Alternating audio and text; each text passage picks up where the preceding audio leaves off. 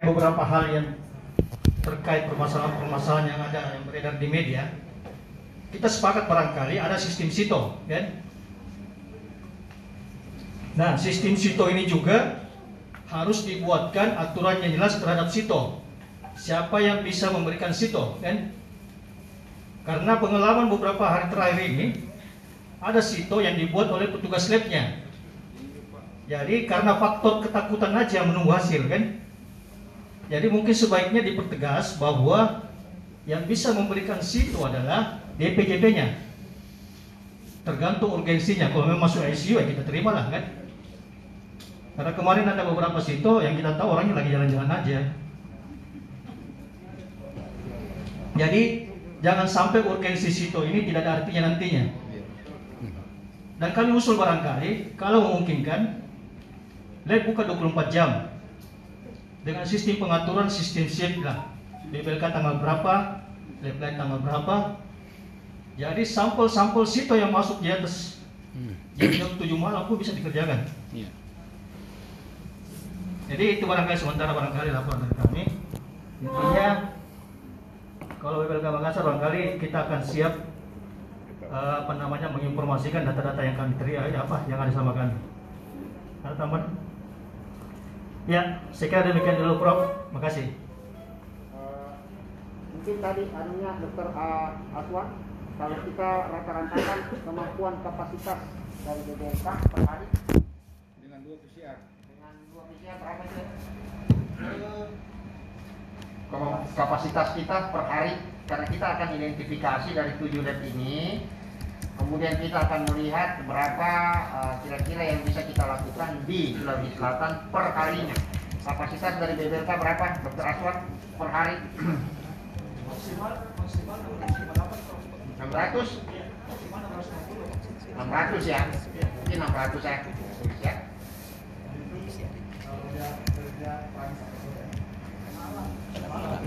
Normal ya normal saja normal. Iya, jangan yang ter yang ini, mungkin yang eh, normal, yang sekarang yang kita kerja tanpa persif itu dapat 600 bisa berasal. Oke, baik. Terima kasih. sebenarnya kita kerja ini sampul hampir 200-an cuma kita ada kondisi luar ya Ya, artinya extraordinary itu ya. Ya. Tanyakan terkait dengan bottleneck yang selama ini dialami kira-kira apa bottlenecknya untuk mencapai kapasitas tersebut kira-kira apa Iya. mungkin akan bisa Ya. apabila terjadi bottleneck tersebut Ya, jadi lebih ke bagaimana kapasitas ini, apa yang menjadi masalah selama ini, dan kalau misalnya kita berikan solusi, kira-kira kapasitasnya bisa jadi berapa ya? Kalau saya tangkap dari apa yang Dokter Firdaus. Iya. atau apa kendala tak kalau misalnya Ya.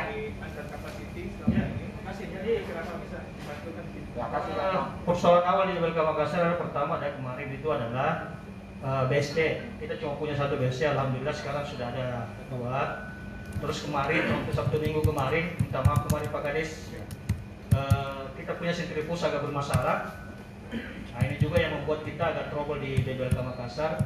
Seharusnya kemarin itu kapasitas kita bisa 400, kemarin cuma bisa 90 karena kita eh, apa namanya kita punya alat ini sudah dimaksimalkan kerja. Alhamdulillah ini hari sudah datang alatnya. Saya dengar informasi jadi sudah bisa maksimal lagi kita kerja.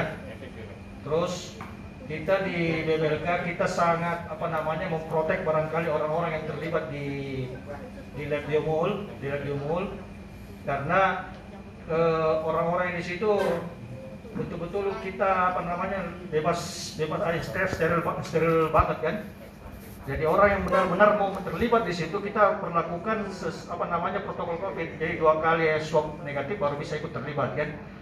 Kalaupun misalnya nanti ada relawan yang bantu barangkali kita butuh tenaga administrasi. Karena tenaga-tenaga teknis yang ada itu juga yang bekerja di administrasi di pencatatan kami kan? Jadi 12 orang itu bekerja secara tim simultan. Kalau misalnya mereka selesai ekstraksi habis itu mixing habis itu running habis itu dia mengetik lagi kan jadi mungkin eh, ke depan barangkali kalau bisa kita dibantu tenaga administrasi dua kalau tenaga-tenaga teknis barangkali kita bisa minta dari lingkungan internal BBLK Makassar untuk bisa kita eh, perbantukan atau kita bisa tarik ke tim kami kalau misalnya terjadi eh, sampel-sampel yang apa namanya menurut kami waktu tunggunya bisa di atas 3-4 hari kan. Saya kira demikian barangkali dari segi alat barangkali sampai sekarang alhamdulillah sudah itu bisa cukup bisa sampai 8 kali landing ya kalau kita ada tenaga ya. Cuma sampai sekarang maksimal kita bisa paling maksimal sampai saat ini karena ketersediaan sampel juga itu 7 kali landing. Ya, makasih.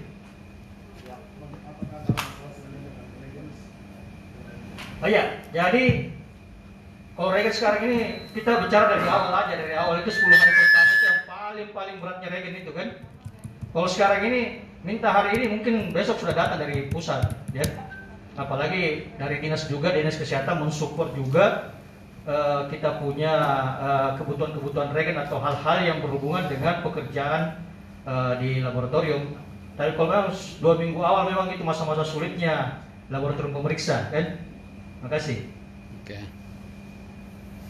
Terima kasih Dr. Aswan. Saya kira uh, apa yang dipaparkan BBLK uh, sudah memberikan informasi update bagi kita terkait dengan inventarisir jumlah pemeriksaan laboratorium. Mungkin secara teknis sebentar kita akan lanjutkan kalau terkait dengan data yang kita inginkan dari gugus tugas. Selanjutnya barangkali Wahidin ya. Mas Aki Wahidin? Ya.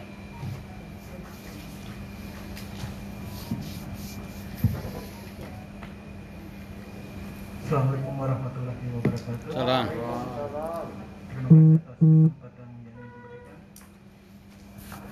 Jadi dibagi dalam siklus. Siklus pertama itu dari tanggal 1 sampai tanggal 15. Terus masuk tanggal 16 itu siklus yang pertama libur. Begitu terus berganti. Iya. Jadi sebelum masuk kami juga disterilisasi, harus di swab, harus di ada MCO, medical check up, CT scan dan pemeriksaan darah rutin. Baru bisa masuk ke menjadi tim COVID laboratorium.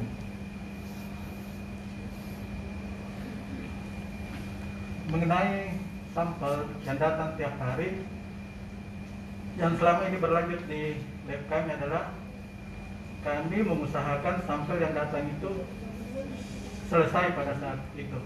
Waktunya tidak pindah ke hari berikutnya. Karena saya biasanya itu dari jam 9 pagi bahkan pada sampai jam 1 malam. Hmm. Karena harus menyelesaikan sampel-sampel yang tertumpuk. Saya tak mau menjadi PR berikutnya. Mhm. Jadi hari Minggu pun masuk hari raya juga. Karena sebenarnya kapasitas alat kami bisa mampu mengerjakan satu kali running itu 484. Oke. Hmm. Cuma masalahnya itu di ekstraksi. Karena tim ekstraksi kami itu ada yang bisa masuk itu cuma empat orang. Karena cuma punya dua alat BSC. Satu BSC itu kapasitasnya cuma dua orang. Jadi otomatis yang bisa masuk itu cuma empat orang.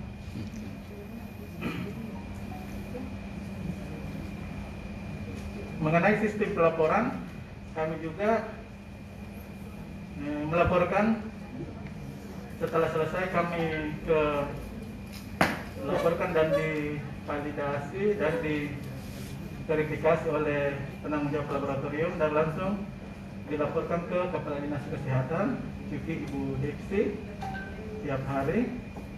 Dan besoknya baru eh, tim data menginput ke sistem terintegrasi dengan Kemenkes ya. Iya. Itu yang terjadi selama ini. Kami juga mempunyai eh, centrifuge dua. Jadi yang kendala di kami itu adalah kadang teman-teman yang dari daerah biasanya sampelnya tidak sinkron dengan data yang ada. Itu yang saya juga biasa bingung. Jadi kami itu sebelum masuk sampel harus cek satu-satu. Harus saya cek saya tidak biarkan petugasnya tidak mensinkronkan dengan kami baru dia pulang tidak bisa. Harus satu-satu di itu dan diverifikasi supaya tidak ada kesalahan hasil. Jadi mutu kami juga harus kami jaga. Yang menjadi kendala kami adalah sistem reagen ekstraksi yang bervariatif. Ada yang reagennya seperti sensor itu cepat, ada yang reagen seseng itu yang prosesnya sampai 24 tahap. Itu yang bikin lama ekstraksi. Jadi memang beda-beda. Jadi reagen yang kita kasih itu dari lead bankis itu dia bervariasi. Jadi sistem kerja kami itu bisa saja ekstraksinya cepat tergantung daripada reagen yang ada.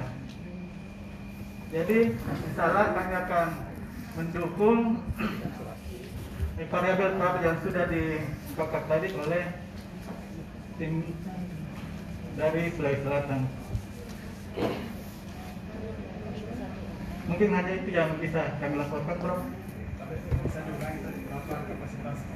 Per hari. 484 bisa masuk satu alat, tapi bisa masuk, tapi di kendala kami itu yang sistem ekstraksi yang cuma dua DSC-nya. Sehingga berapa? Iya, ini berapa? Ya, Berapa maksimal? Per hari. Kan 484 itu kalau normal ya. Iya. Kalau dengan kemampuan tak cuma empat orang yang untuk ekstraksi itu artinya berapa kapasitas per hari Pak? sebenarnya kapasitas per hari kami itu sekitar 300 sampai 400. Ya, maksudnya itu yang paling. Kalau Iya, 484 itu pun kan- normal. Itu pun normal. Prop sampai mungkin sampai jam- jam 8 malam.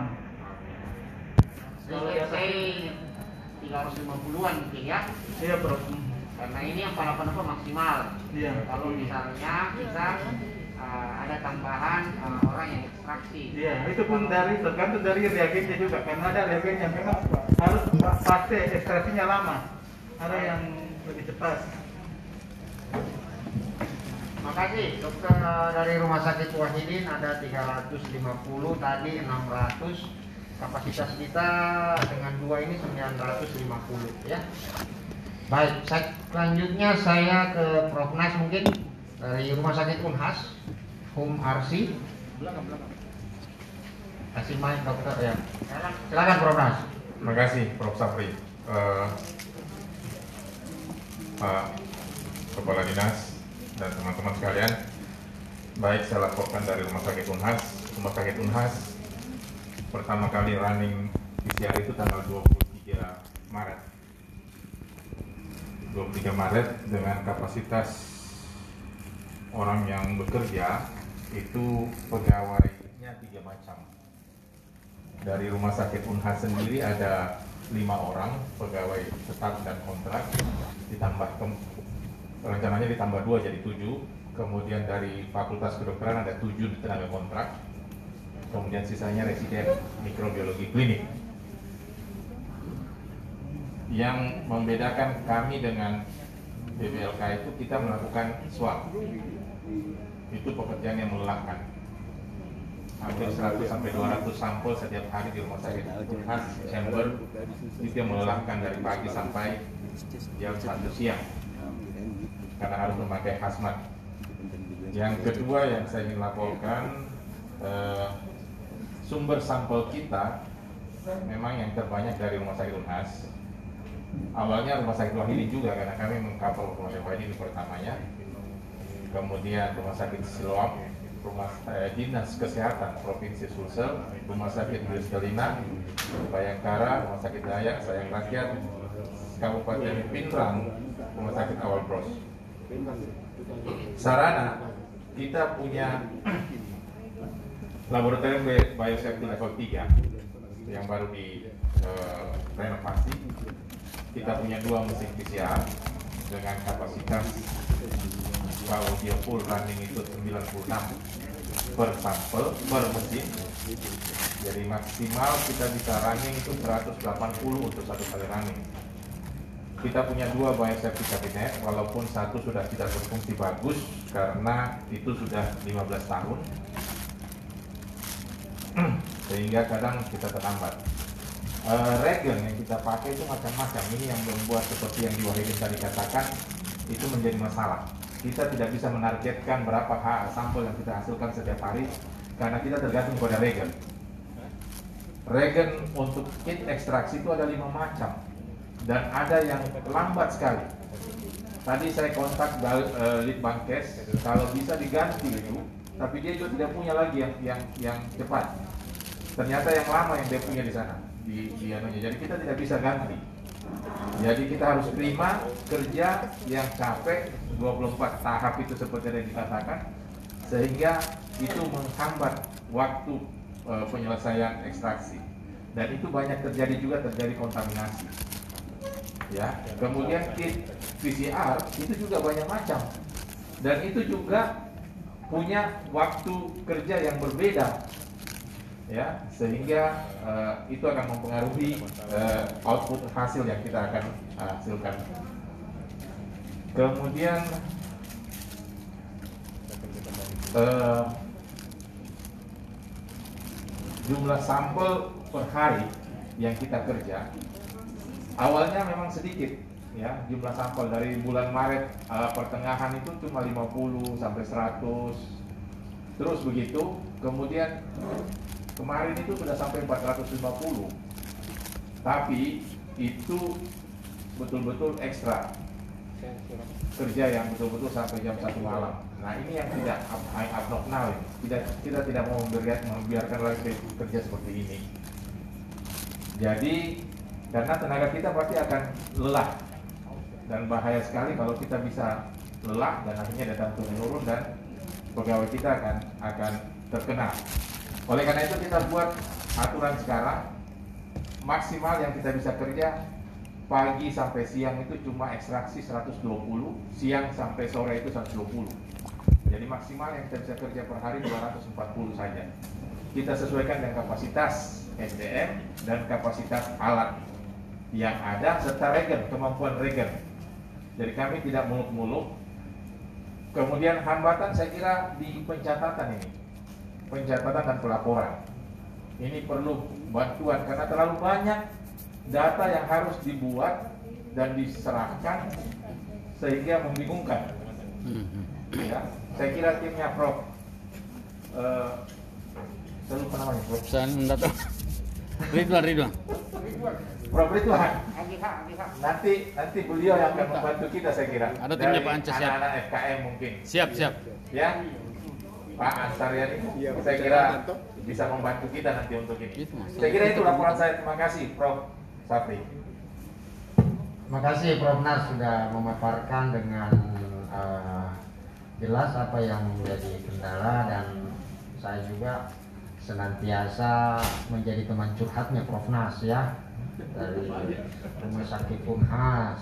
Tapi satu hal yang saya perlu apresiasi, terima kasih ya dari kami Pak Gub melalui Pak Kadis bahwa BSL 3 di sana itu ada karena dari Pemprov ya. Jadi kami apresiasi, terima kasih untuk itu karena ini bukan hanya Covid. Ini untuk bagaimana eh, proses pembelajaran, proses pendidikan, penelitian yang mungkin bukan hanya Covid saja, tapi kita harapkan ke depan untuk bisa eh, juga bisa memberikan andil terutama wilayah region di Sulawesi Selatan dan Indonesia Timur tentunya ya. Apa pun itu kami sangat mengapresiasi. Terima kasih yang di mana pada awal-awal COVID itu saya kira eh, Pak eh, Kadis kami eh, sounding pada Pak Gubernur dan PSR 3 itu hadir. Nah tadi sudah dipaparkan dan saya kira juga baik dari Wahidin maupun dari DBLK itu saat ini runningnya belum sesuai dengan yang dianjurkan Menteri Kesehatan ya. Di mana Menteri Kesehatan itu kan mintanya 3, 7 kali 24 jam. Nah ini mungkin menjadi catatan khusus untuk kita di sini. Apakah kita inginkan demikian Pak Kadis mungkin dengan teman-teman kita bagaimana? Kalau misalnya ini kita tingkatkan, ada konsekuensinya mungkin apakah kita bisa tambah SDM atau bagaimana? Yang pasti bahwa kapasitas yang rata-rata yang disampaikan tadi Prof.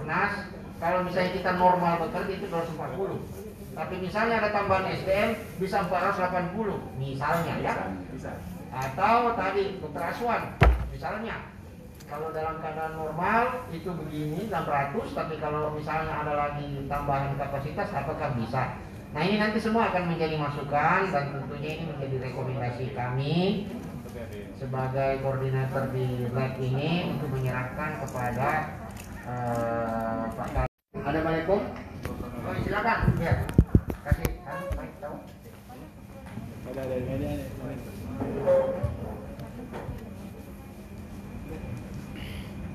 Baik, terima kasih. Assalamualaikum warahmatullahi wabarakatuh. Salam. Kami dari Balai Besar POM di Makassar.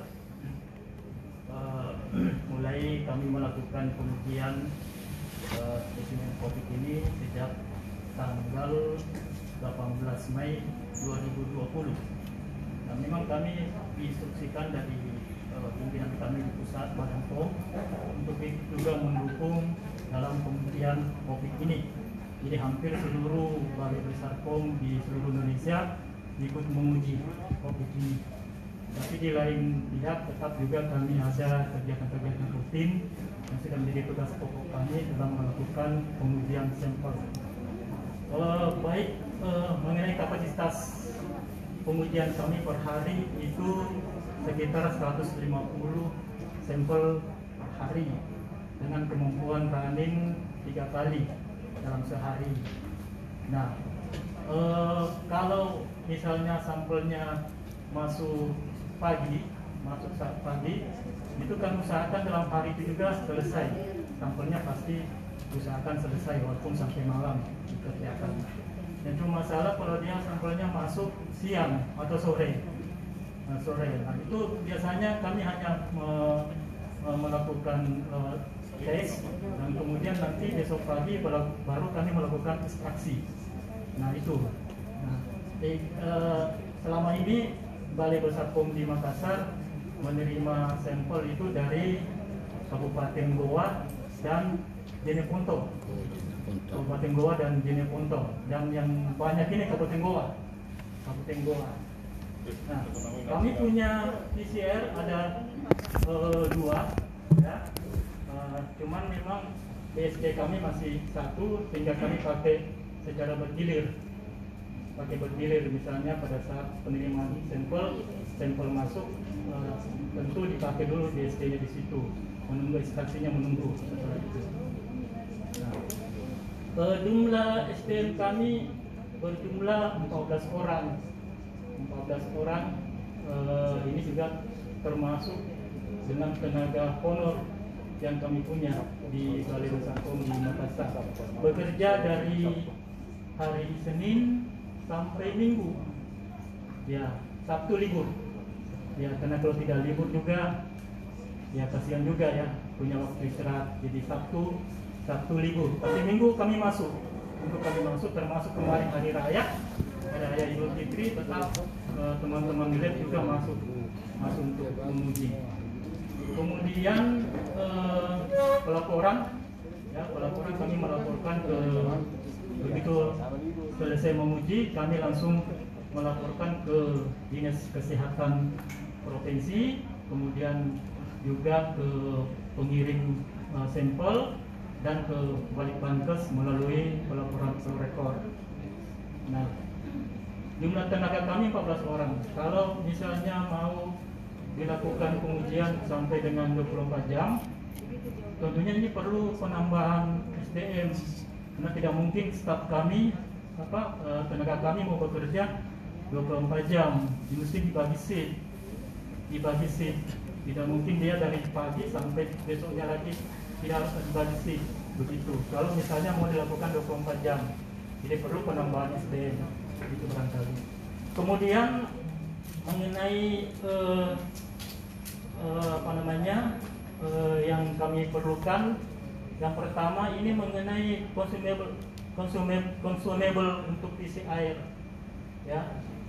Ini sudah kami sudah menipis, sudah menipis. Selama ini kami hanya menggunakan eh, kepunyaan kami di lab, belum pernah dapat bantuan sama sekali, ya.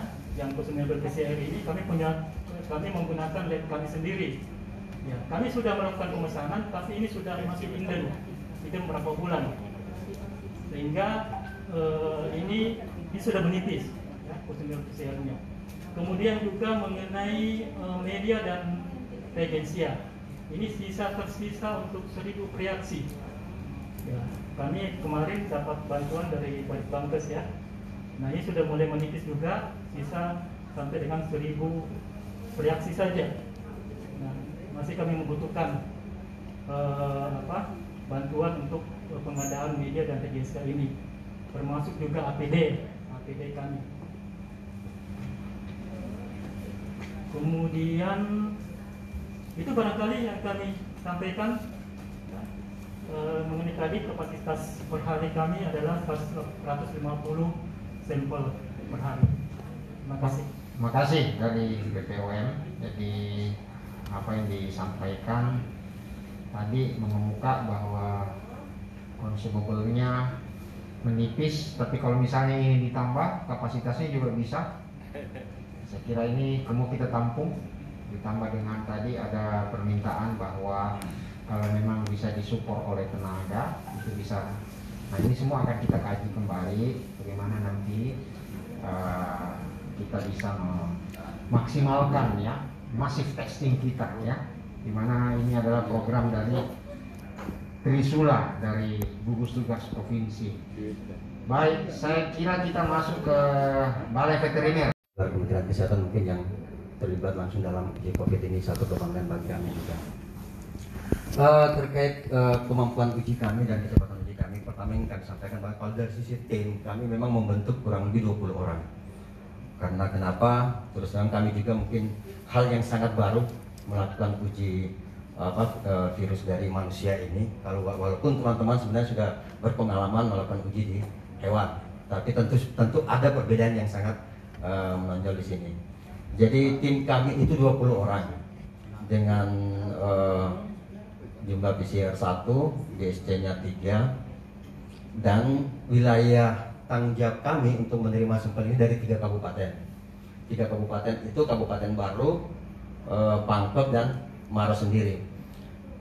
Terkait kapasitas untuk kemampuan uji kami per hari itu mungkin sama dengan eh, yang tadi dalam satu kali running itu kami mampu untuk melakukan sampai 96 96 spesimen sampel. Tetapi kenyataan yang setelah kami rata-ratakan per hari sampel yang masuk kami itu cuma 20 per hari dari tiga kabupaten. Per hari yang masuk sampel ke kami itu cuma 20 ya. Kapasitas kemampuannya sampai 96 kami cuma bisa melakukan running sehari itu sekali. Karena kenapa? Terus terang kami juga mempunyai tugas yang juga sama pentingnya seperti eh, di, di pengujian covid ini. Juga melakukan pengujian di eh, sampel dari hewan. Di mana kami juga harus me- menangani di wilayah kerja kami itu 10 provinsi sampai Papua dan Papua Barat. Tentunya ini kerja berat bagi teman-teman juga sehingga kami cuma bisa melakukan running eh, sehari itu satu kali. Itu pun sampel kadang kami harus menunggu karena awal-awalnya kemarin yang masuk satu dua satu dua. Jadi kami harus menunggu biasanya kami maksimalkan sampai jam 10 jam 10 kita mulai start teman-teman mulai start untuk melakukan running itu sampai sore. Insya Allah di di jam 8 malam itu paling terlambat kami sudah melaporkan semua hasil yang telah kami lakukan.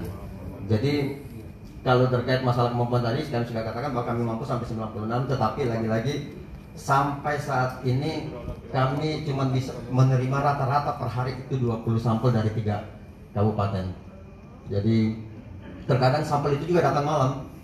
Datang malam jadi sampel yang datang sebelum jam 10 itu kami akan uji pada hari itu juga tetapi yang sampel yang datang di atas jam 10 pagi itu kami akan uji di eh, besok harinya. Nah, kemarin-kemarin juga sempat ada sedikit eh, kendala terkait eh, pengiriman sampel ke kami yang di mana menurut informasi dari tiga kabupaten ini mereka tidak punya eh, freezer untuk penyimpanan sampel itu di rumah sakit rumah sakit tersebut sehingga walaupun malam mereka tetap mengirim ke kami sehingga kami terpaksa menyiapkan eh, freezer di situ untuk penyimpanan sampel tersebut untuk diuji pada besok harinya. Terus eh, mungkin ini sekaligus juga saran terkait data pelaporan data. Selama ini untuk data pasien itu masih di kami yang melakukan penginputan itu.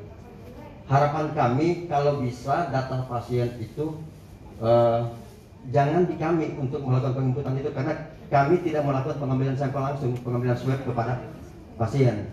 Jadi harapannya kalau bisa eh, paskes yang yang mengirimkan sampel ke kami itu mereka sudah menginput data pasiennya. Jadi kami tinggal melaporkan hasil data pengujiannya.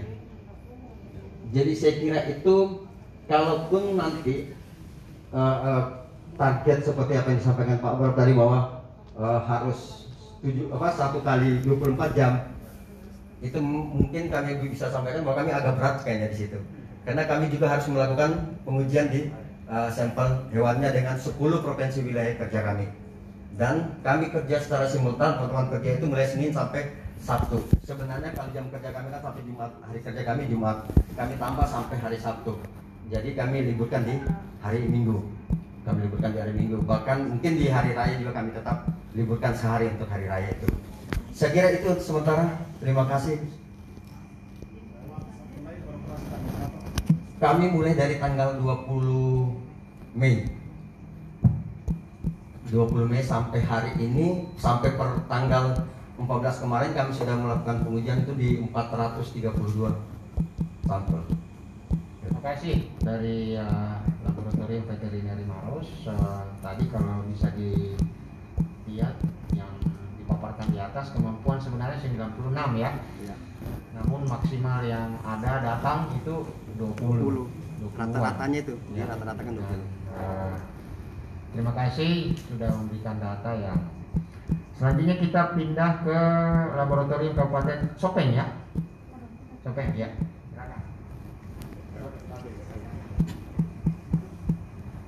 Eh, terima kasih. Eh, Assalamualaikum warahmatullahi wabarakatuh.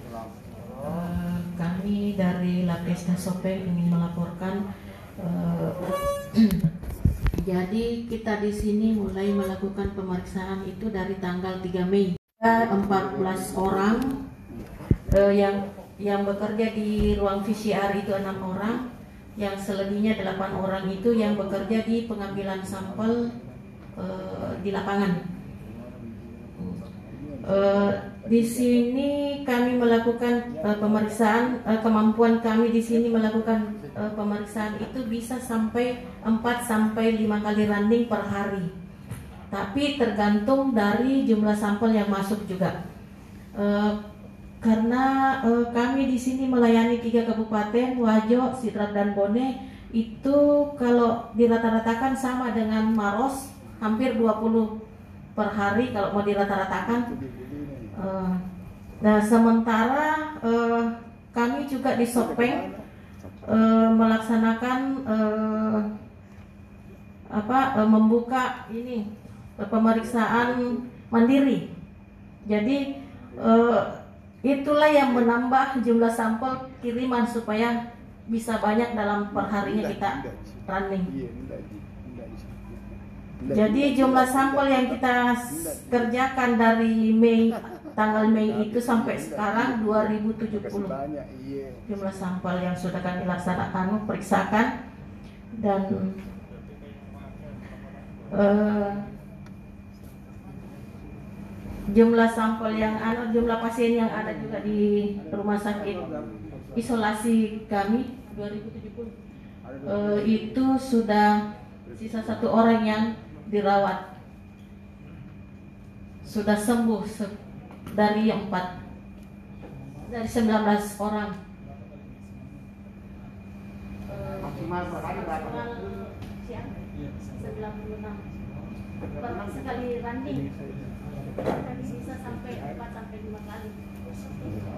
Iya Tapi saya cuma 20. iya tergantung dari jumlah sampel juga. Itu waktu banyaknya itu pada saat kita sebelum lebaran kita dianjurkan sama bupati untuk keluar sampel massal sebelum lebaran. Oh iya. Sekali lagi, 96 sampel. Bisa sampai bakal tapi tergantung dari jumlah sampelnya ya mas Coba kita sampel. Sampel, iya. Kurang. Kurang jumlah sampel yang masuk. Boleh izin dari Makassar ke sana. Boleh lah kalau ada yang itu Sekarang nomor 20, Pak. Tapi sebenarnya yang surat Kasih. barangkali dari Sopeng eh, cukup sampai di sini. Assalamualaikum warahmatullahi wabarakatuh. Eh, masalah eh, reagen kemarin ada bantuan dari pusat dari Dikti juga, ada juga dari provinsi. Alhamdulillah untuk sementara reagen cukup. Eh, Assalamualaikum warahmatullahi wabarakatuh.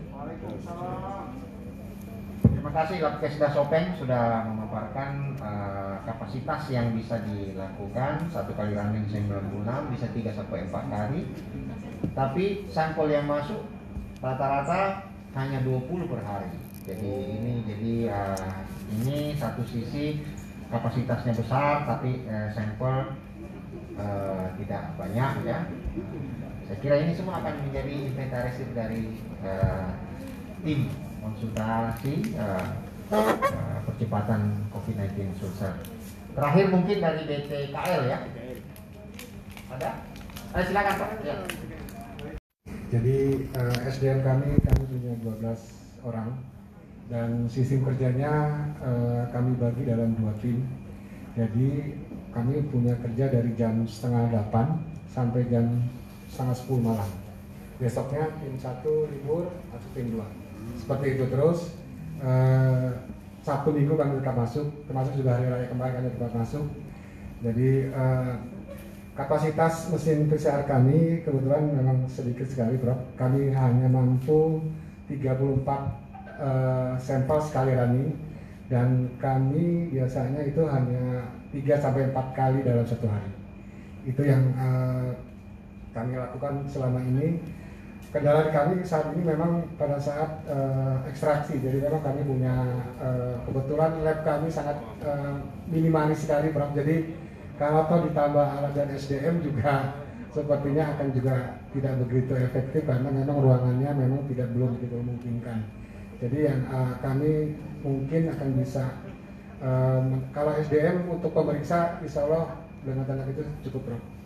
Artinya uh, untuk meningkatkan jumlah kami juga saat ini sedang proses pengadaan PCR baru dan tahu nih kapan uh, dengan anggaran DIPA kami kami merevisi. Insya Allah mungkin dalam akhir Juli ini kami akan dapat PCR baru dan itu dengan yang terbaru itu sama dengan yang lain mungkin kapasitasnya 96 per sekali running sehingga itu bisa uh, meningkatkan kapasitas uh, pemeriksaan sampel. Kami melayani uh, di empat kabupaten, jadi ada Sinjai, ada Pakalar, ada Makassar dan Selayar sendiri serta rumah sakit eh, haji dan rumah sakit Bayangkara. Eh, sampel biasanya waktu tunggu di kami tidak begitu lama, insya Allah eh, satu sampai dua hari. Biasanya maksimal dua hari itu sudah terlihat hasilnya dan eh, sampel yang biasanya itu kami yang dapat sampel itu sampai jam 2 jam 3 itu dari Sinjai karena memang lokasi sangat jauh. dan itu baru bisa kami periksa esok harinya. Seperti itu eh, yang kalau apa mungkin untuk regen alhamdulillah eh, terima kasih Pak Adis kami sangat disupport dengan dinas termasuk juga dari BBLK tadi kalau kami kurang biasanya cuma telepon aja pinjam-pinjam seperti itu biasa. Kemarin juga Prof.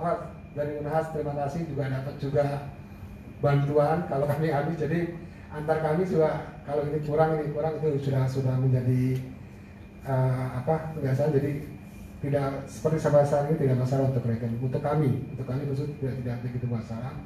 Sampai kami juga memang siapkan juga anggaran untuk uh, manakala dibutuhkan untuk uh, regen yang mendadak terus uh, kami baru mulai tanggal 8 Mei pemeriksaan uh, mobil ini karena sebelumnya kami melakukan yang kami lakukan adalah uh, pemeriksaan swab untuk uh, pasien di rumah sakit.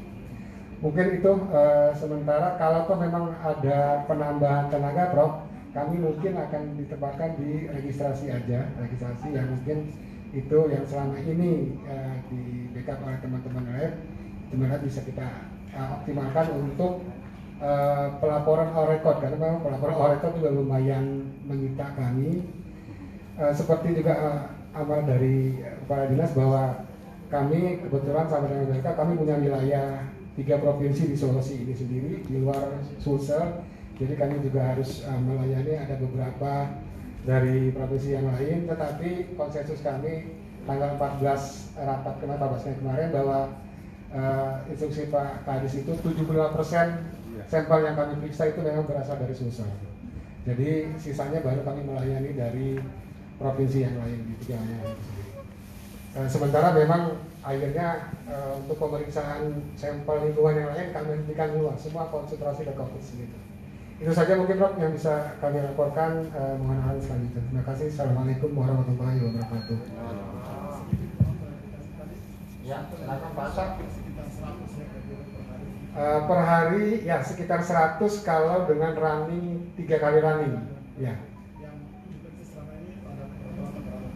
selama ini rata-rata gitu pak. Karena memang sama tergantung jumlah sampel juga. Karena eh, alhamdulillah memang selama ini kami juga sama dengan ini. Di- masih di bawah 100 kadang-kadang memang menumpuk sampai 100 tapi itu bisa kami selesaikan dalam 3 sampai maksimal 4 kali running kami bisa juga tergantung sama dengan Prof. Tadi tergantung regen juga. Ada regen yang ternyata sangat lama sekali harus 5 jam kami berkutik dengan itu ada juga yang cuma dua jam sudah bisa ketahuan hasil. Jadi seperti itu biasanya regen-regen yang bantuan ya Prof ya, yang yang agak lama itu. Nah, terima kasih Prof Terima kasih teman-teman sekalian yang terakhir dari BPKL tadi ya bahwa sekarang kita sudah ada gambaran kira-kira kapasitas yang terpasang yang bisa dilakukan oleh gugus tugas provinsi ya. Dengan segala plus minusnya tentunya dengan segala mungkin masih ada uh, usaha untuk bisa kita menaikkan kapasitas. Namun itu saya kira kalau kita lihat totally ini Prof ya nanti saya mohon tanggapan dari uh, ketua tim konsultan dan tentunya juga Pak Kadis bagaimana uh, langkah-langkah kita setelah kita mendengarkan teman-teman dari tujuh laboratorium yang di mana sudah memaparkan kapasitas masing-masing yang mungkin kita bisa uh, masukkan dalam satu program kita. Karena ini saya kira laboratorium saat ini menjadi uh, semacam ini satu perhatian ya. Tingkat nasional juga saat ini menjadi ditarget ya untuk bisa kita dapat yang seperti saya kemukakan tadi 20.000 sampel per hari ya. Namun kalau melihat kondisi kita dari paparan teman-teman tadi ini saya kira uh, Sulawesi Selatan sudah bisa di atas 1.500 ini kalau saya lihat. Artinya ini kasarnya ya tadi. Namun ini kapasitas yang uh, masih as usual ya yang mungkin masih mungkin bisa kita tingkatkan tentunya dengan uh, support dari uh, yang memegang. Artinya saat ini kita di tengah-tengah ada Pak Kadis ada tim konsultan kita. Uh, saya persilahkan apakah Prof. Ridwan atau Dokter Ihsan? Dokter Ihsan ya silakan. Ya, eh, makasih. Seperti disampaikan tadi eh, beberapa laboratorium ya perlu kita sadar bahwa ada memang beberapa laboratorium ini tidak hanya Sulawesi Selatan, memang dan memang kita sepakat kemarin bukan instruksi itu Pak Oman kesepakatan kita bahwa memang 75% harus di Sulawesi Selatan karena bertempat tinggalnya itu laboratorium Sulawesi Selatan dan sepakat itu seperti itu. Nah, nah terkait eh, kalau kita ingin melakukan agresif testing, agresif testing ya, kita harus perhitungkan berapa persen dari itu yang kita siapkan untuk agresif testing. Artinya begini, kita harus pertimbangkan sampel-sampel swab itu dari rumah sakit. Dia mesti ditempatkan tersendiri eh, eh, spesimennya karena beberapa hal yang terkait permasalahan-permasalahan yang ada yang beredar di media. Kita sepakat barangkali ada sistem sito kan? Nah sistem sito ini juga harus dibuatkan aturan yang jelas terhadap sito. Siapa yang bisa memberikan sito kan karena pengalaman beberapa hari terakhir ini ada sito yang dibuat oleh petugas labnya jadi karena faktor ketakutan aja menunggu hasil kan jadi mungkin sebaiknya dipertegas bahwa yang bisa memberikan situ adalah DPJP-nya. Tergantung urgensinya. Kalau memang masuk ICU ya kita terima lah kan. Karena kemarin ada beberapa situ yang kita tahu orangnya lagi jalan-jalan aja. Jadi jangan sampai urgensi situ ini tidak ada artinya nantinya. Dan kami usul barangkali kalau memungkinkan lab buka 24 jam dengan sistem pengaturan sistem shift lah. BBLK tanggal berapa, lab lain tanggal berapa. Jadi sampel-sampel situ yang masuk di atas jadi jam 7 malam pun bisa dikerjakan. Iya. Jadi itu barangkali sementara barangkali laporan dari kami. Intinya kalau BPLK Makassar barangkali kita akan siap eh, apa namanya menginformasikan data-data yang kami terima ya apa yang ada sama kami. Ada tambahan? Ya, saya kira demikian dulu Prof. Makasih. Eh, mungkin tadi anunya dokter uh, Aswan kalau kita rata-ratakan kemampuan kapasitas dari BBLK per hari Dengan dua PCR. dengan dua PCR berapa sih? Kapasitas kita per hari karena kita akan identifikasi dari tujuh lab ini. Kemudian kita akan melihat berapa uh, kira-kira yang bisa kita lakukan di Sulawesi Selatan per harinya. Kapasitas dari BBLK berapa dokter Aswan per hari? Maksimal maksimal 600 600 ya. Mungkin 600 ya. Ya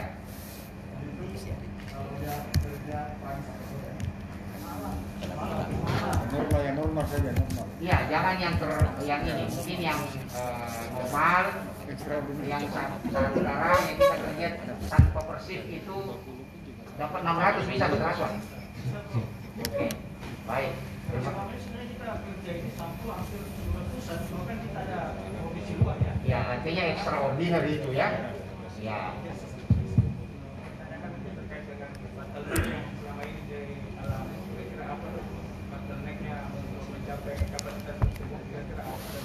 Iya.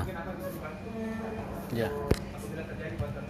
Ya, jadi lebih ke bagaimana kapasitas ini, apa yang menjadi masalah selama ini, dan kalau misalnya kita berikan solusi, kira-kira kapasitasnya bisa jadi berapa ya?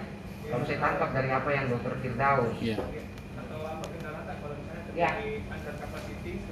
Makasih. Jadi bisa persoalan awal di Makassar adalah pertama dan kemarin itu adalah eh, BST. Kita cuma punya satu BST, alhamdulillah sekarang sudah ada dua. Terus kemarin waktu Sabtu Minggu kemarin, minta maaf kemarin Pak Kades, eh, kita punya sentrifus agak bermasalah. Nah ini juga yang membuat kita agak trouble di BBLK Makassar.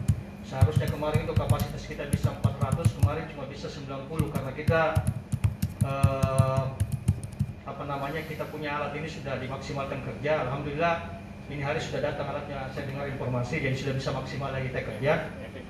Terus kita di BBLK kita sangat apa namanya memprotek barangkali orang-orang yang terlibat di di lab biomol di lab biomol karena eh, orang-orang di situ betul-betul kita apa namanya bebas bebas steril steril, steril banget kan jadi orang yang benar-benar mau terlibat di situ kita perlakukan ses, apa namanya protokol COVID. Jadi dua kali swab negatif baru bisa ikut terlibat kan.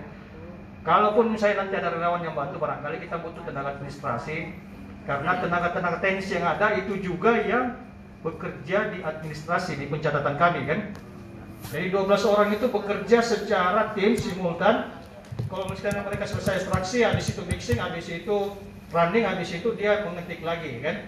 Jadi mungkin eh, ke depan barangkali kalau bisa kita dibantu tenaga administrasi dua. Kalau tenaga-tenaga teknis barangkali kita bisa minta dari lingkungan internal BBLK Makassar untuk bisa kita eh, perbantukan atau kita bisa tarik ke tim kami kalau misalnya terjadi eh, sampel-sampel yang apa namanya menurut kami waktu tunggunya bisa di atas 3-4 hari kan.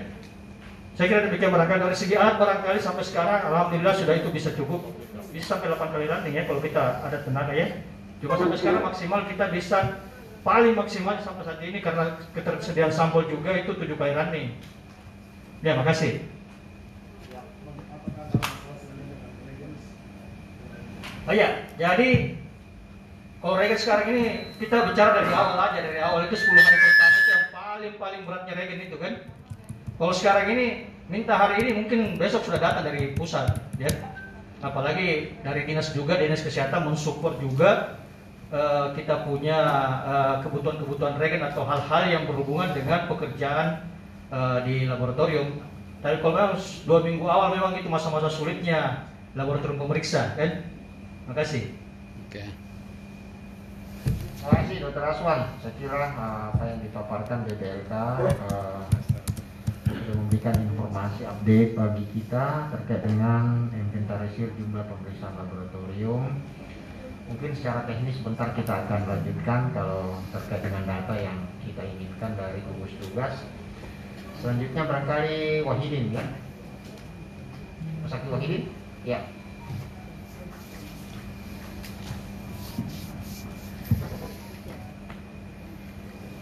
Assalamualaikum warahmatullahi wabarakatuh. Salam.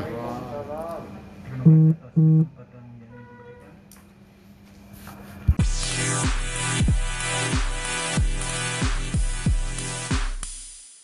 Ada Assalamualaikum. Oh, silakan. Ya. Kasih kan, tahu.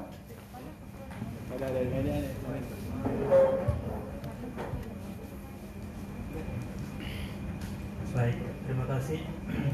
Assalamualaikum warahmatullahi wabarakatuh. Salam. Kami dari Balai Besar POM di Makassar. Eh, mulai kami melakukan pengujian spesimen COVID ini sejak tanggal 18 Mei 2020.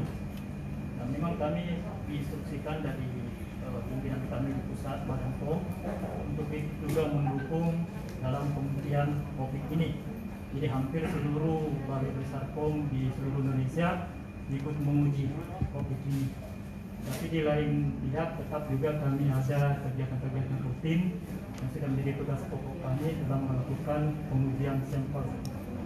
Eh, baik eh, mengenai kapasitas pengujian kami per hari itu sekitar 150 sampel per hari dengan kemampuan running tiga kali dalam sehari.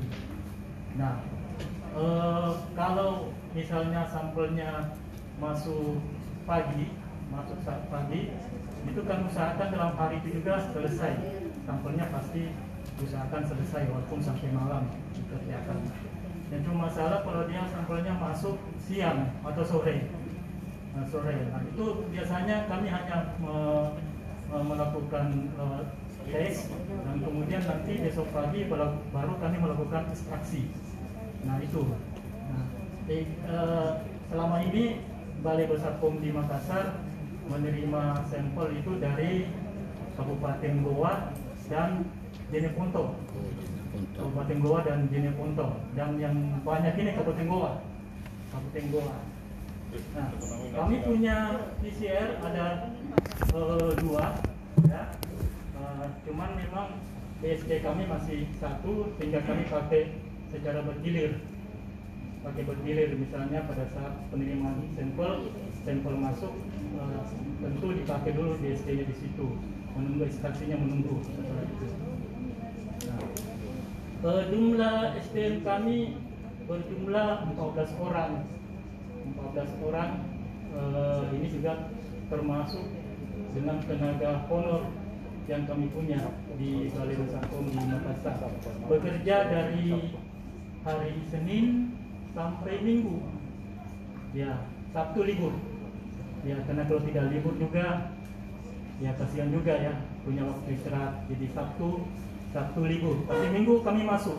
Minggu kami masuk termasuk kemarin hari raya hari raya Idul Fitri tetap eh, teman-teman lab juga masuk masuk untuk menguji kemudian eh, pelaporan.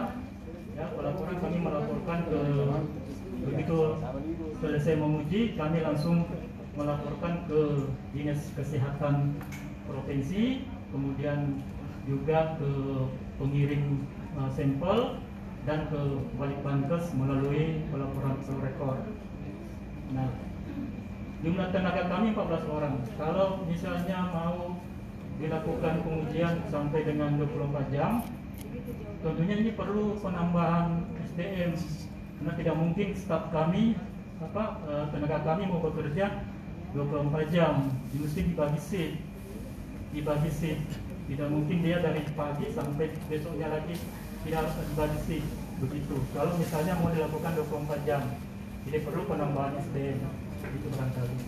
Kemudian mengenai eh, eh, apa namanya eh, yang kami perlukan yang pertama ini mengenai consumable consumable, consumable untuk isi air ya ini sudah kami sudah menipis sudah menipis selama ini kami hanya menggunakan eh, kepunyaan kami di lab belum pernah dapat bantuan sama sekali ya yang consumable PCR ini. Kami punya kami menggunakan lab kami sendiri. Ya kami sudah melakukan pemesanan tapi ini sudah masih inden itu beberapa bulan. Sehingga eh, ini, ini sudah menipis ya consumable PCR-nya kemudian juga mengenai eh, media dan reagensia ini sisa tersisa untuk seribu reaksi ya, kami kemarin dapat bantuan dari Bankes ya. Nah ini sudah mulai menipis juga sisa sampai dengan seribu reaksi saja. Nah, masih kami membutuhkan eh, apa bantuan untuk pengadaan media dan reagensia ini termasuk juga APD APD kami. Kemudian itu barangkali yang kami sampaikan e, mengenai tadi kapasitas per hari kami adalah 150 sampel per hari. Terima kasih. Terima kasih dari BPOM. Jadi apa yang disampaikan tadi mengemuka bahwa consumable-nya menipis, tapi kalau misalnya ini ditambah kapasitasnya juga bisa. Saya kira ini kamu kita tampung ditambah dengan tadi ada permintaan bahwa kalau memang bisa disupport oleh tenaga itu bisa. Nah ini semua akan kita kaji kembali bagaimana nanti uh, kita bisa memaksimalkan ya masif testing kita ya di mana ini adalah program dari Trisula dari gugus tugas provinsi. Baik saya kira kita masuk ke balai veteriner. Jadi dibagi dalam siklus. Siklus pertama itu dari tanggal 1 sampai tanggal 15.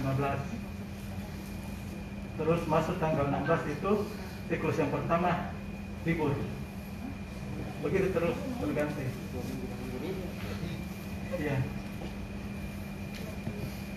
Jadi sebelum masuk kami juga disterilisasi, harus di swab, harus di ada MCO, medical check up, CT scan, dan pemeriksaan darah rutin.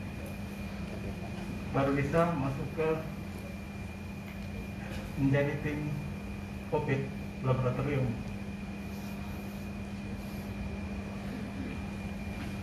Mengenai sampel yang datang tiap hari, yang selama ini berlanjut di lab kami adalah kami mengusahakan sampel yang datang itu selesai pada saat itu. Waktunya tidak pindah ke hari berikutnya. Karena saya biasanya itu dari jam 9 pagi bahkan pernah sampai jam 1 malam.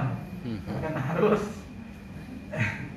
menyelesaikan sampel-sampel yang tertumpuk. Saya tidak mau menjadi PR berikutnya. Jadi hari Minggu pun masuk hari raya juga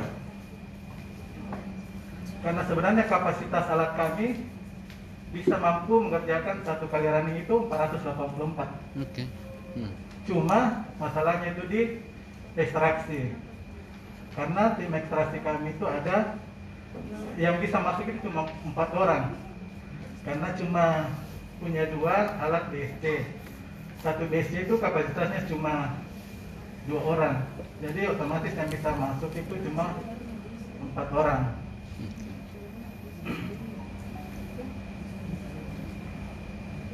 Mengenai sistem pelaporan, kami juga eh, melaporkan setelah selesai kami ke laporkan dan divalidasi dan diverifikasi oleh penanggung jawab laboratorium dan langsung dilaporkan ke Kepala Dinas Kesehatan, Cuki Ibu Diksi tiap hari. Dan besoknya baru eh, tim data menginput ke sistem terintegrasi dengan Kemenkes ya. Iya. Itu yang terjadi selama ini. Kami juga mempunyai eh, centrifuse dua. Jadi yang kendala di kami itu adalah kadang teman-teman yang dari daerah biasanya sampelnya tidak sinkron dengan data yang ada. Itu yang saya juga biasa bingung. Jadi kami itu sebelum masuk sampel harus cek satu-satu. Harus saya cek saya tidak biarkan petugasnya tidak mensinkronkan dengan kami baru dia pulang tidak bisa. Harus satu-satu di itu dan diverifikasi supaya tidak ada kesalahan hasil. Jadi mutu kami juga harus kami jaga. Yang menjadi kendala kami adalah sistem reagen ekstraksi yang bervariatif. Ada yang reagennya seperti sensor itu cepat, ada yang reagen sesang itu yang prosesnya sampai 24 tahap. Itu yang bikin lama ekstraksi. Jadi memang beda-beda. Jadi reagen yang kita kasih itu dari litbangkes itu juga bervariasi. Jadi sistem kerja kami itu bisa saja ekstraksinya cepat tergantung daripada reagen yang ada. Jadi misalnya kami akan mendukung variabel variabel yang sudah dikokak tadi oleh tim dari Sulawesi Selatan. Mungkin hanya itu yang bisa kami laporkan, Bro. Per hari. 484 bisa masuk satu alat tapi bisa masuk tapi di kendala kami itu yang sistem ekstraksi yang cuma dua DSC-nya. Sehingga berapa? Iya, ini berapa? Ya? Berapa maksimal? Per hari. Kan 484 itu kalau normal ya. Iya. Kalau dengan kemampuan tak cuma empat orang yang untuk ekstraksi itu artinya berapa kapasitas per hari Pak? Sebenarnya kapasitas per hari kami itu sekitar 300 sampai 400. Ya, maksudnya ini yang paling. Kalau Iya. 484 Itu pun kan- normal. Itu pun normal. Prop sampai mungkin sampai jam- jam 8 malam. Kalau saya 350-an mungkin ya. Iya, Bro. Karena ini yang 484 maksimal. Iya. Kalau misalnya kita uh, ada tambahan uh, orang yang ekstraksi. Iya, itu pun dari tergantung dari reagennya juga karena ada reagen yang memang harus fase ekstraksinya lama. Ada yang lebih cepat. Makasih dokter dari Rumah Sakit Wahidin ada 350 tadi 600 kapasitas kita dengan dua ini 950 ya. Baik, selanjutnya saya ke Prof Nas mungkin dari Rumah Sakit Unhas, Hum Arsi. Kasih mic dokter ya. Silakan Prof Nas. Terima kasih Prof. Sapri. Eh, Pak Kepala Dinas dan teman-teman sekalian, baik saya laporkan dari Rumah Sakit Unhas. Rumah Sakit Unhas pertama kali running PCR itu tanggal 23 Maret. 23 Maret dengan kapasitas orang yang bekerja itu pegawainya tiga macam. Dari rumah sakit Unhas sendiri ada lima orang pegawai tetap dan kontrak ditambah rencananya ditambah dua jadi tujuh. Kemudian dari fakultas kedokteran ada tujuh tenaga kontrak. Kemudian sisanya residen mikrobiologi klinik. Yang membedakan kami dengan BBLK itu kita melakukan swab itu pekerjaan yang melelahkan. Hampir 100 sampai 200 sampel setiap hari di rumah sakit Unhas Chamber itu yang melelahkan dari pagi sampai jam 1 siang. Karena harus memakai hazmat. Yang kedua yang saya ingin laporkan eh, sumber sampel kita memang yang terbanyak dari rumah sakit Unhas. Awalnya rumah sakit Wahidi juga karena kami mengcover rumah sakit Wahidi pertamanya kemudian rumah sakit Siloam rumah eh, dinas kesehatan provinsi Sulsel rumah sakit Luis Kelina Bayangkara rumah sakit Dayak Sayang Rakyat Kabupaten Pindrang rumah sakit Awal Bros. Sarana kita punya laboratorium bi- biosafety level 3 yang baru di eh, renovasi. Kita punya dua mesin PCR dengan kapasitas kalau dia full running itu 96 per sampel per mesin. Jadi maksimal kita bisa running itu 180 untuk satu kali running. Kita punya dua biosafety kabinet walaupun satu sudah tidak berfungsi bagus karena itu sudah 15 tahun. Sehingga kadang kita terlambat. Eh, regen yang kita pakai itu macam-macam. Ini yang membuat seperti yang Diwahidin tadi katakan itu menjadi masalah. Kita tidak bisa menargetkan berapa ha- sampel yang kita hasilkan setiap hari karena kita tergantung pada regen. Regen untuk kit ekstraksi itu ada lima macam dan ada yang lambat sekali. Tadi saya kontak Bal- eh, Litbangkes, kalau bisa diganti itu, tapi dia juga tidak punya lagi yang yang yang cepat. Ternyata yang lama yang dia punya di sana di, di. Jadi kita tidak bisa ganti. Jadi kita harus terima kerja yang capek 24 tahap itu seperti yang dikatakan sehingga itu menghambat waktu eh, penyelesaian ekstraksi. Dan itu banyak terjadi juga terjadi kontaminasi.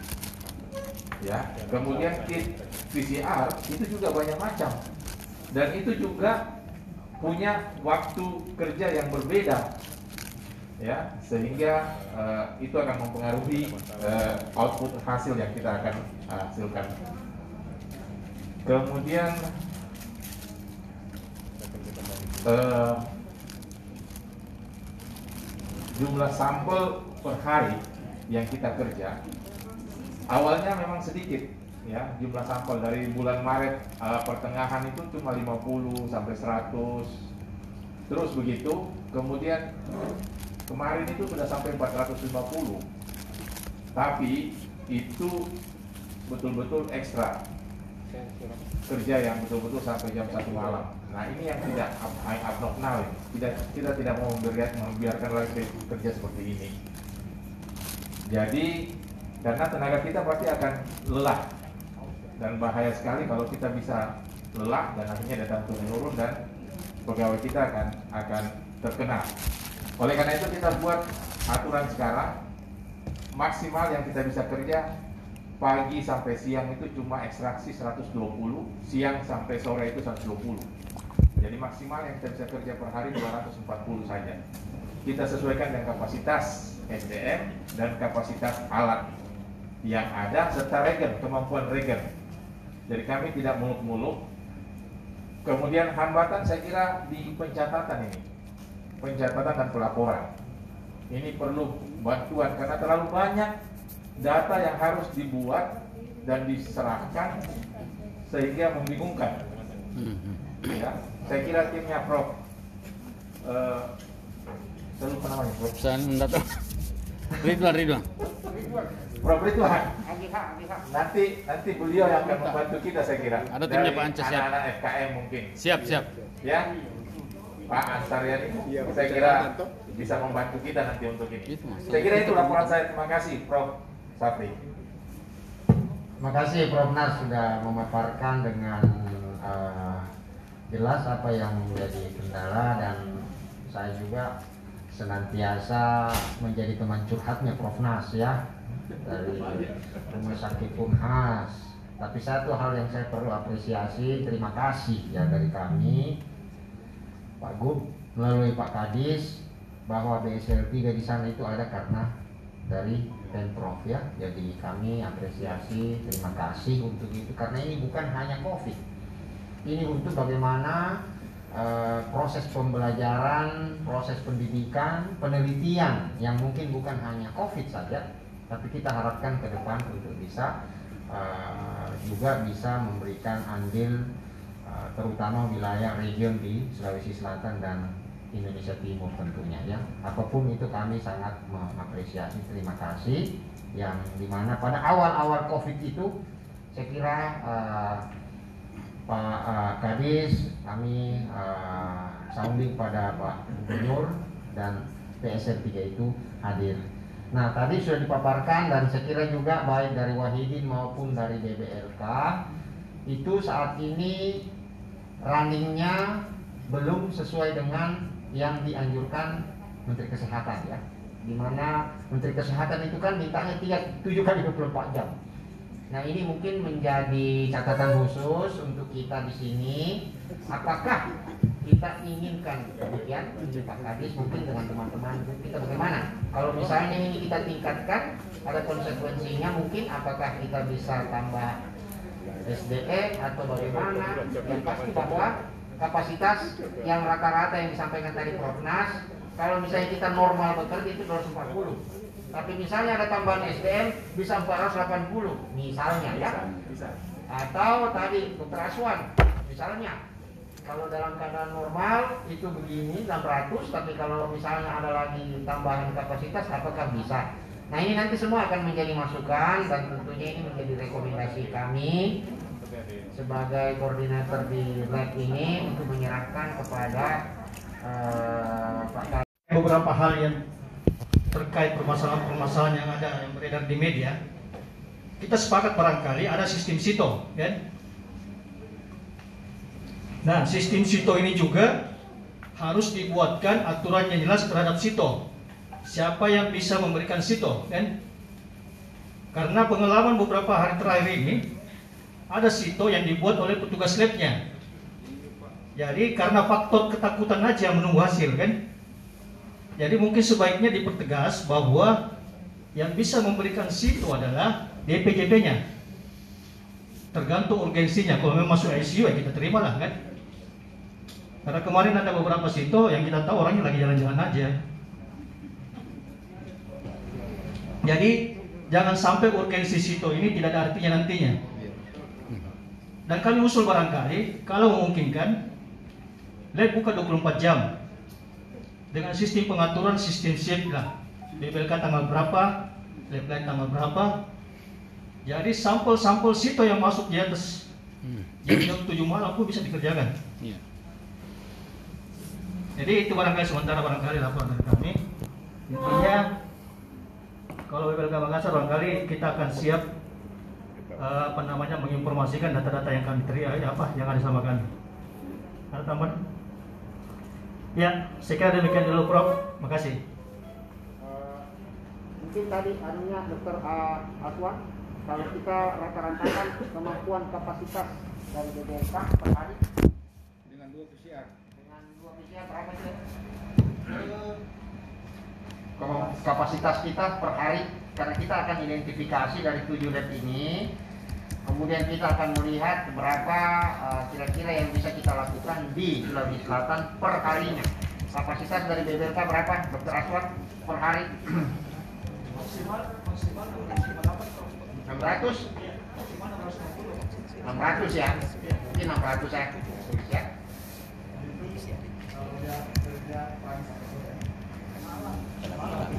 Normal ya normal saja normal. Iya, jangan yang ter yang ini, mungkin yang uh, normal, yang sekarang yang kita lihat tanpa persif itu dapat 600 bisa berasal. Oke, baik.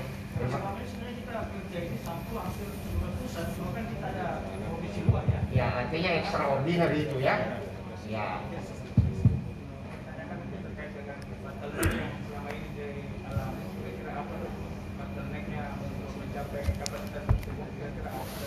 Ya. Ya. Ya, jadi lebih ke bagaimana kapasitas ini, apa yang menjadi masalah selama ini, dan kalau misalnya kita berikan solusi, kira-kira kapasitasnya bisa jadi berapa ya? Kalau saya tangkap dari apa yang Dokter Firdaus. Ya. Ya.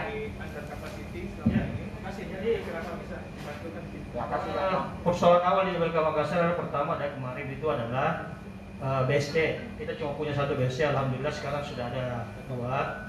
Terus kemarin waktu Sabtu Minggu kemarin minta maaf kemarin Pak Kades uh, kita punya sentrifus agak bermasalah.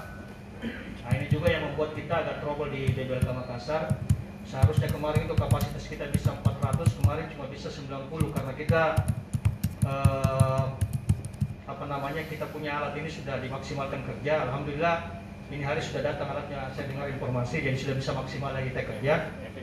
Terus kita di BBLK kita sangat apa namanya memprotek barangkali orang-orang yang terlibat di di lab biomol di lab biomol karena eh, orang-orang di situ betul-betul kita apa namanya bebas bebas aja steril steril banget kan jadi orang yang benar-benar mau terlibat di situ kita perlakukan ses, apa namanya protokol COVID. Jadi dua kali swab negatif baru bisa ikut terlibat kan. Kalaupun misalnya nanti ada relawan yang bantu barangkali kita butuh tenaga administrasi karena tenaga-tenaga teknis yang ada itu juga yang bekerja di administrasi di pencatatan kami kan. Jadi 12 orang itu bekerja secara tim simultan. Kalau misalnya mereka selesai ekstraksi, habis itu mixing, habis itu running, habis itu dia mengetik lagi kan. Jadi mungkin eh, ke depan barangkali kalau bisa kita dibantu tenaga administrasi dua. Kalau tenaga-tenaga teknis barangkali kita bisa minta dari lingkungan internal BBLK Makassar untuk bisa kita eh, perbantukan atau kita bisa tarik ke tim kami kalau misalnya terjadi eh, sampel-sampel yang apa namanya menurut kami waktu tunggunya bisa di atas 3-4 hari kan. Saya kira demikian barangkali dari segi alat barangkali sampai sekarang alhamdulillah sudah itu bisa cukup bisa sampai 8 kali landing ya kalau kita ada tenaga ya. Cuma sampai sekarang maksimal kita bisa paling maksimal sampai saat ini karena ketersediaan sampel juga itu 7 kali landing. Ya, makasih. Oh iya, jadi kalau regen sekarang ini kita bicara dari awal aja dari awal itu 10 hari pertama itu yang paling paling beratnya regen itu kan. Kalau sekarang ini minta hari ini mungkin besok sudah datang dari pusat, ya. Apalagi dari dinas juga dinas kesehatan mensupport juga eh, kita punya eh, kebutuhan-kebutuhan regen atau hal-hal yang berhubungan dengan pekerjaan eh, di laboratorium. Tapi kalau memang dua minggu awal memang itu masa-masa sulitnya laboratorium pemeriksa kan. Makasih. Oke. Terima kasih Dr. Aswan. Saya kira uh, apa yang dipaparkan BBLK uh, sudah memberikan informasi update bagi kita terkait dengan inventarisir jumlah pemeriksaan laboratorium.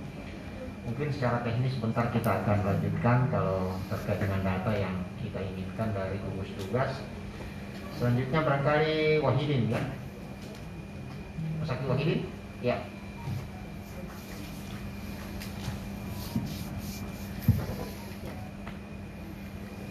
Assalamualaikum warahmatullahi wabarakatuh. Salam. Terima kasih atas kesempatan yang diberikan.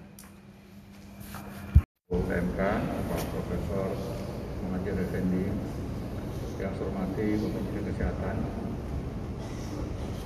Pak Gubernur Sulawesi Selatan yang juga kami banggakan, serta seluruh unsur pimpinan, Bu anggota DPR RI, Ketua DPRD, Bapak Pangdam, Bapak Kajati, para unsur Forkopinda termasuk Kabinda, Guru Rektor, Bapak Dekan, para pakar yang hadir, teman-teman dari Jakarta, ada Bapak Deputi dari Kemenko BMK, termasuk Pak Dirjen, Mendagri, teman-teman dari gugus tugas, ada Pak Jori, Pak Panglima TNI, dan tadi sudah dikenalkan oleh Pak Menko, calon dubes, mungkin sudah harusnya Pak Menko aja melantik.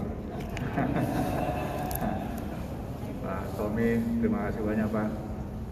Eh, dan juga ada Pak Kua, temannya Pak Nurdin Abdullah, Pak Gubernur, serta hadir sekalian. Eh, datang ke Makassar ini seperti pulang kampung. Rasa-rasanya lebih Ini. sering saya ke Makassar daripada ke kampung halaman saya. Begitu keluar bandara, langsung ketemu pohon besi. Tadi di jalan tol dan juga di Karebosi ketemu lagi besi. Jadi Sulawesi Selatan khususnya eh, Makassar ini salah satu daerah yang mungkin paling banyak pohon termesinya.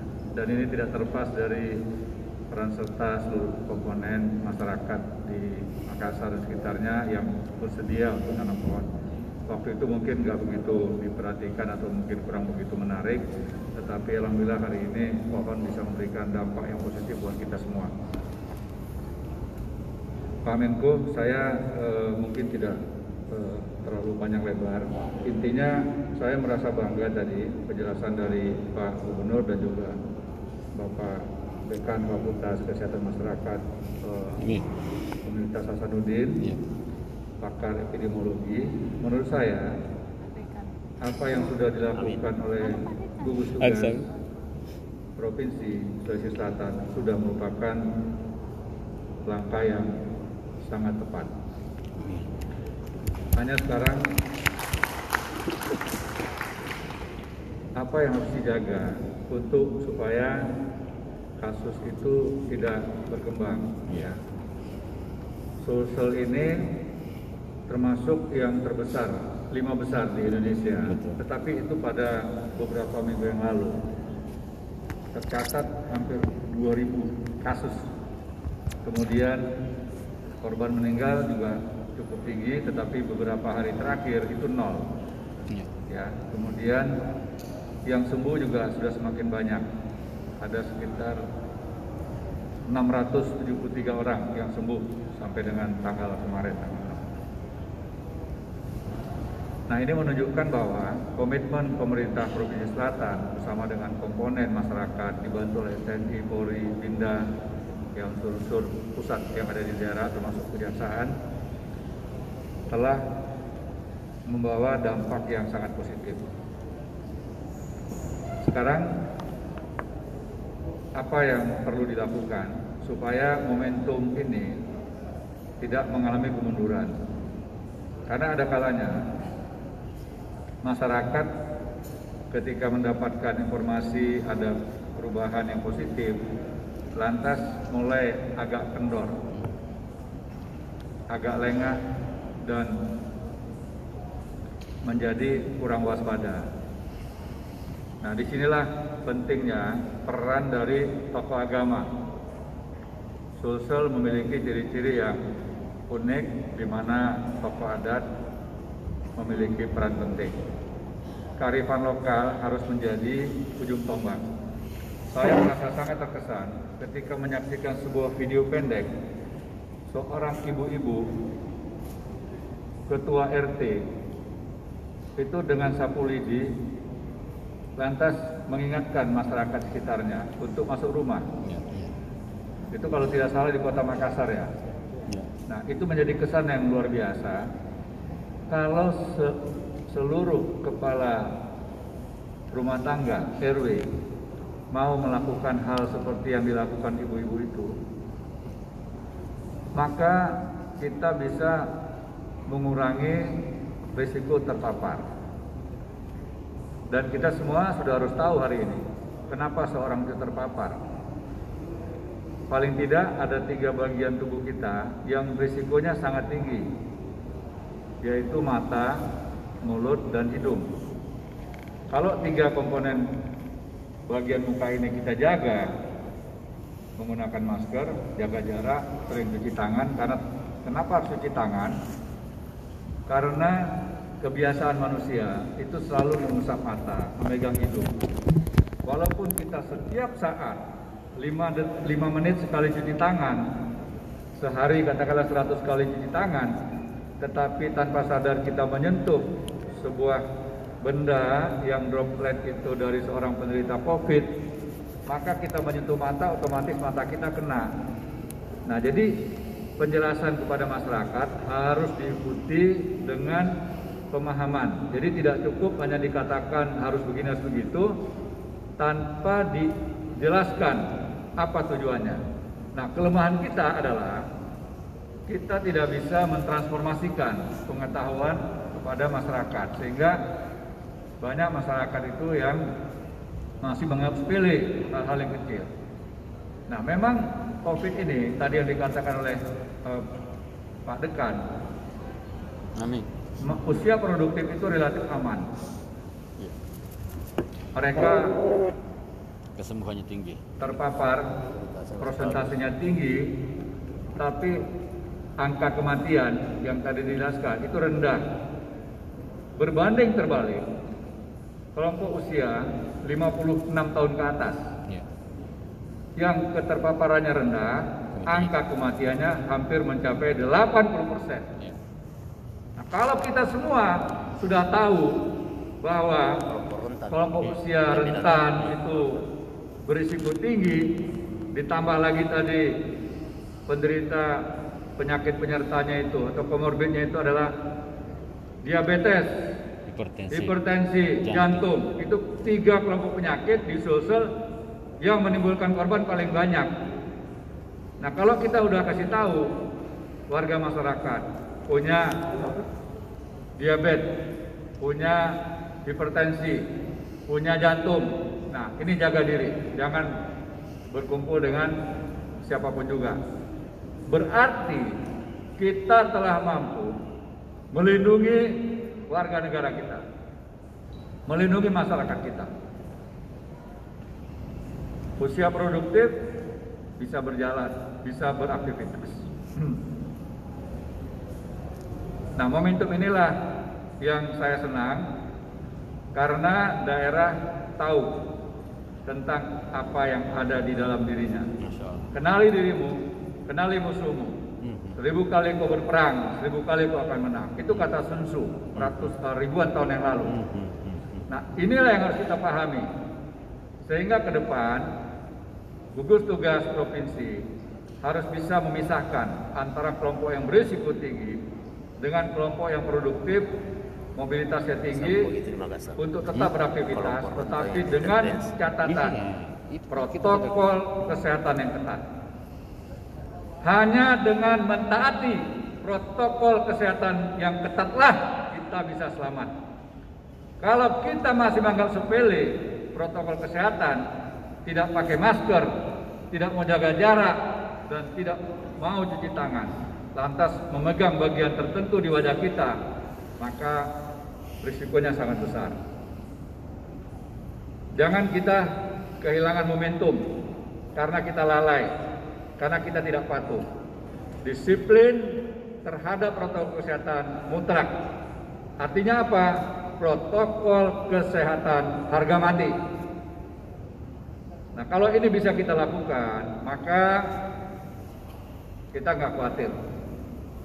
Perintah Presiden kita menuju kepada masyarakat produktif dan aman COVID. Artinya apa?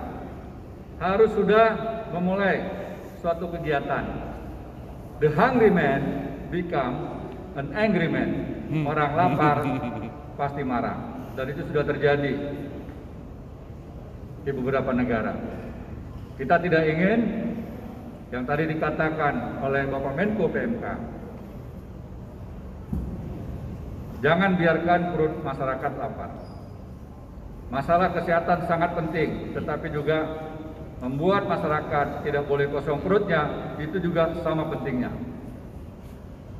Perut yang kosong, perut yang lapar, akan membuat imunitas seseorang itu rendah. Jadi ketika kita harus menjaga masyarakat tidak boleh terpapar COVID, maka kita pun harus bertanggung jawab agar rakyat tidak terkapar karena PHK. Membuat masyarakat tidak punya pekerjaan, kehilangan penghasilan, tidak punya kemampuan daya beli, gizinya tidak terpenuhi, imunitasnya turun, tinggal nunggu waktu. COVID juga pasti akan kena. Artinya dua-duanya bisa kena. Kena COVID dan kena terkapar. Oleh karenanya, Bapak Presiden telah menugaskan gugus tugas. Tahap pertama kita telah umumkan 102 kabupaten kota yang tidak ada kasus, ya artinya aman. Nah di Sulsel ini ada satu yaitu Kabupaten Toraja Utara, ya. Nah ini perlu dipelajari juga. Kenapa Toraja Utara nggak ada kasus? Tentu ada sesuatu. Nah tidak ada salahnya kabupaten lain belajar dari Toraja Utara. Kemudian masih ada beberapa kabupaten kota yang juga statusnya masih rendah. Ya. Nah kami dari gugus tugas akan mencoba untuk mendapatkan data yang akurat setiap hari. Dan data ini tentunya akan selalu kita evaluasi. Nanti setiap minggu akan kita umumkan. Tadi siang seluruh kepala dinas provinsi kabupaten kota ada Vikon dengan tim dari Kementerian Kesehatan, dari gugus tugas dan Kementerian Dalam Negeri untuk membahas rumusan sehingga formulasi untuk menghitung agar pembagian tingkat risiko ancaman itu sama seluruh Indonesia.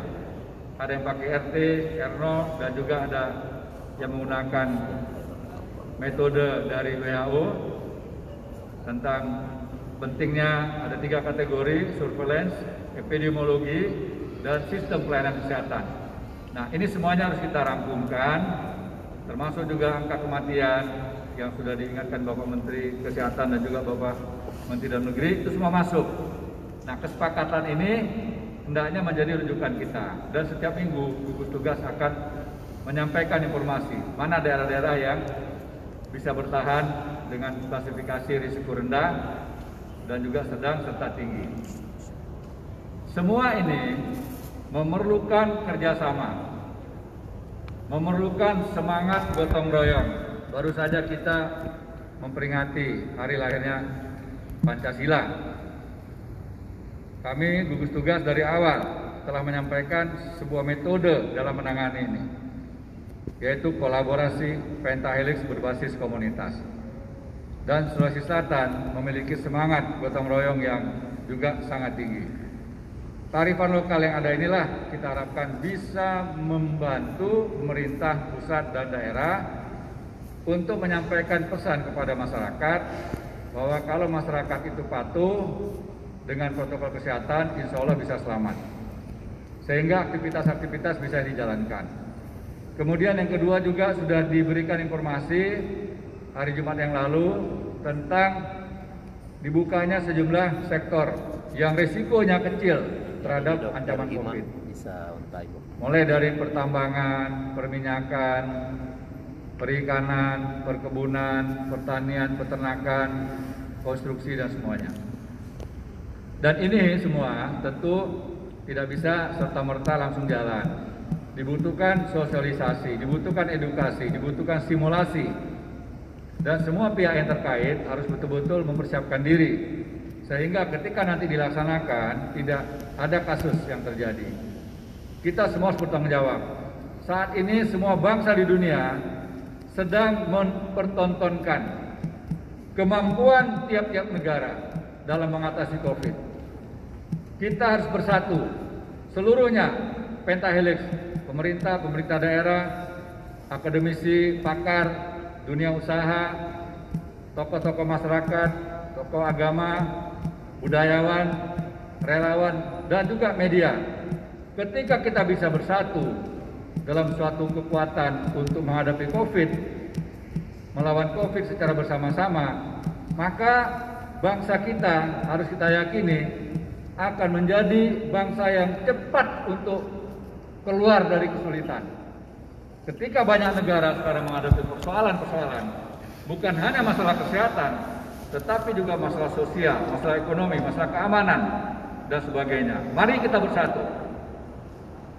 Narasi yang kita gunakan adalah narasi tunggal. Narasi dari pimpinan negara. Siapa kepala negara kita? Pak Jokowi, Presiden. Itu kita ikuti. Tidak ada negara yang sangat sukses menghadapi itu semua. Pasti ada kelemahan, pasti ada kekurangan. Tetapi ketika kita bisa bersatu, semua kendala yang ada bisa kita lalui, bisa kita lewati. Kemudian yang terakhir, kami akan tetap memperhatikan keperluan dari kebutuhan Sulawesi Selatan, Pak Gubernur. Hari ini ada sejumlah bantuan yang telah disiapkan dan yang paling penting adalah pasma kaus Palestina.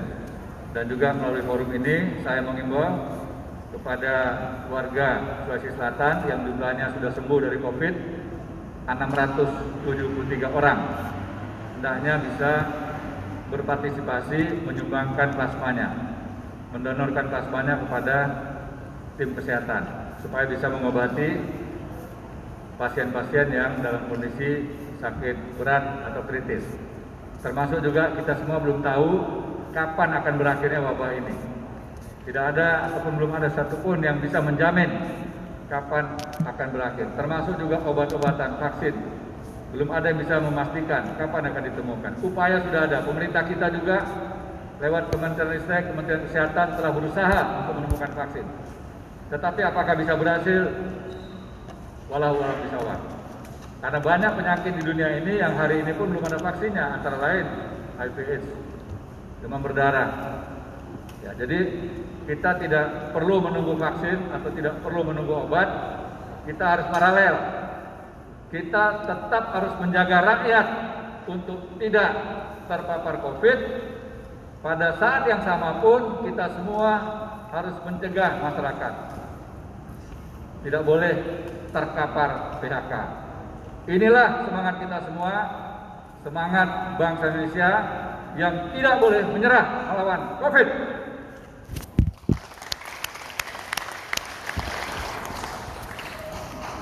Saya rasa itu yang dapat saya sampaikan. Sekali lagi terima kasih. Semoga Pak Gubernur dengan semua komponen tetap kompak, tetap punya semangat dibantu TNI Polri. Terima kasih pada Pangdam juga yang telah menyiapkan tempat ini. Ini salah satu posko yang terbaik.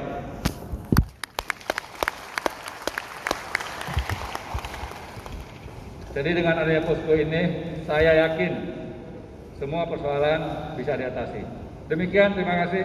Wassalamualaikum warahmatullahi wabarakatuh.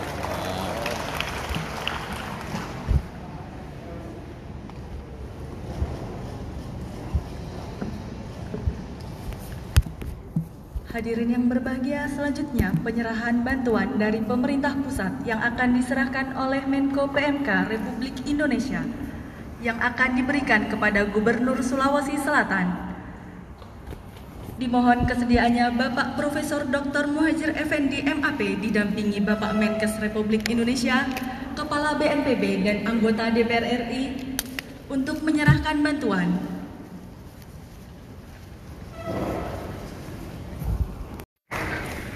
di rumah sakit-rumah sakit dan itu wujud terapi gotong royong artinya yang sehat merelakan memberikan plasmanya untuk yang sakit berat sehingga bisa diselamatkan yang kedua plasma konvalesen Dari orang yang sakit, diambil masuk plasmanya untuk dalam mengobatnya. uh, riset by services dunia. Jadi sudah kita daftarkan dan masuk di tanggal 29 Mei kemarin sehingga resmi diterima. Seluruh dunia juga bersama-sama melakukan terapi plasma konvalesen. Saya tadi membawa untuk awal 18 bag mudah-mudahan bisa membantu untuk pasien-pasien yang kritis sehingga bisa terbebas dari fatality-nya. Mudah-mudahan ini mendorong teman-teman masyarakat di Sulawesi Selatan ini yang sudah diberikan karunia sembuh, anugerah sembuh untuk merelakan memberikan plasmanya didonorkan. Dan ini merupakan wujud gotong royong yang nyata, yang kelihatan. Ini dibayangkan sekarang kami bawakan plasma teman-teman yang sehat dari Jakarta kita perbantukan untuk Sulawesi Selatan. Ini kan sebuah keindahan. Kemarin juga waktu kami bawa ke Surabaya, ternyata besoknya memancing teman-teman Surabaya yang sudah sembuh mendonorkan sampai 20 orang pada hari itu yang sehat mendonorkan plasmanya dan kita juga melihat hasil-hasil baik, fakta-fakta yang baik di daerah lain termasuk laporan dari Malang, Kota Malang juga progresnya membaik, yang kritis sekalipun kemudian membaik. Mudah-mudahan ini bisa diterapkan di eh, Makassar ini khususnya di Sulawesi Selatan ini sehingga angka fatality-nya atau angka kematiannya bisa menurun. Untuk apa yang kami bawa dari Jakarta nanti kepala gugus tugas yang akan menjelaskannya dan meng mengeksplorkannya. Saya sesuai dengan arahan untuk bagaimana menurunkan angka kematian ini. Salah satunya selain obat-obatan sudah kita drop obat-obat panduan nasional maupun kalau nasional kan 30 sudah kita drop di sini sudah kita berikan. Ya ini kalau ada tambahan nasional CFR-nya 5,9 untuk mensupportnya yaitu plasma konvalesen. Demikian yang bisa saya sampaikan. Sekian dan terima kasih. Wassalamualaikum warahmatullahi wabarakatuh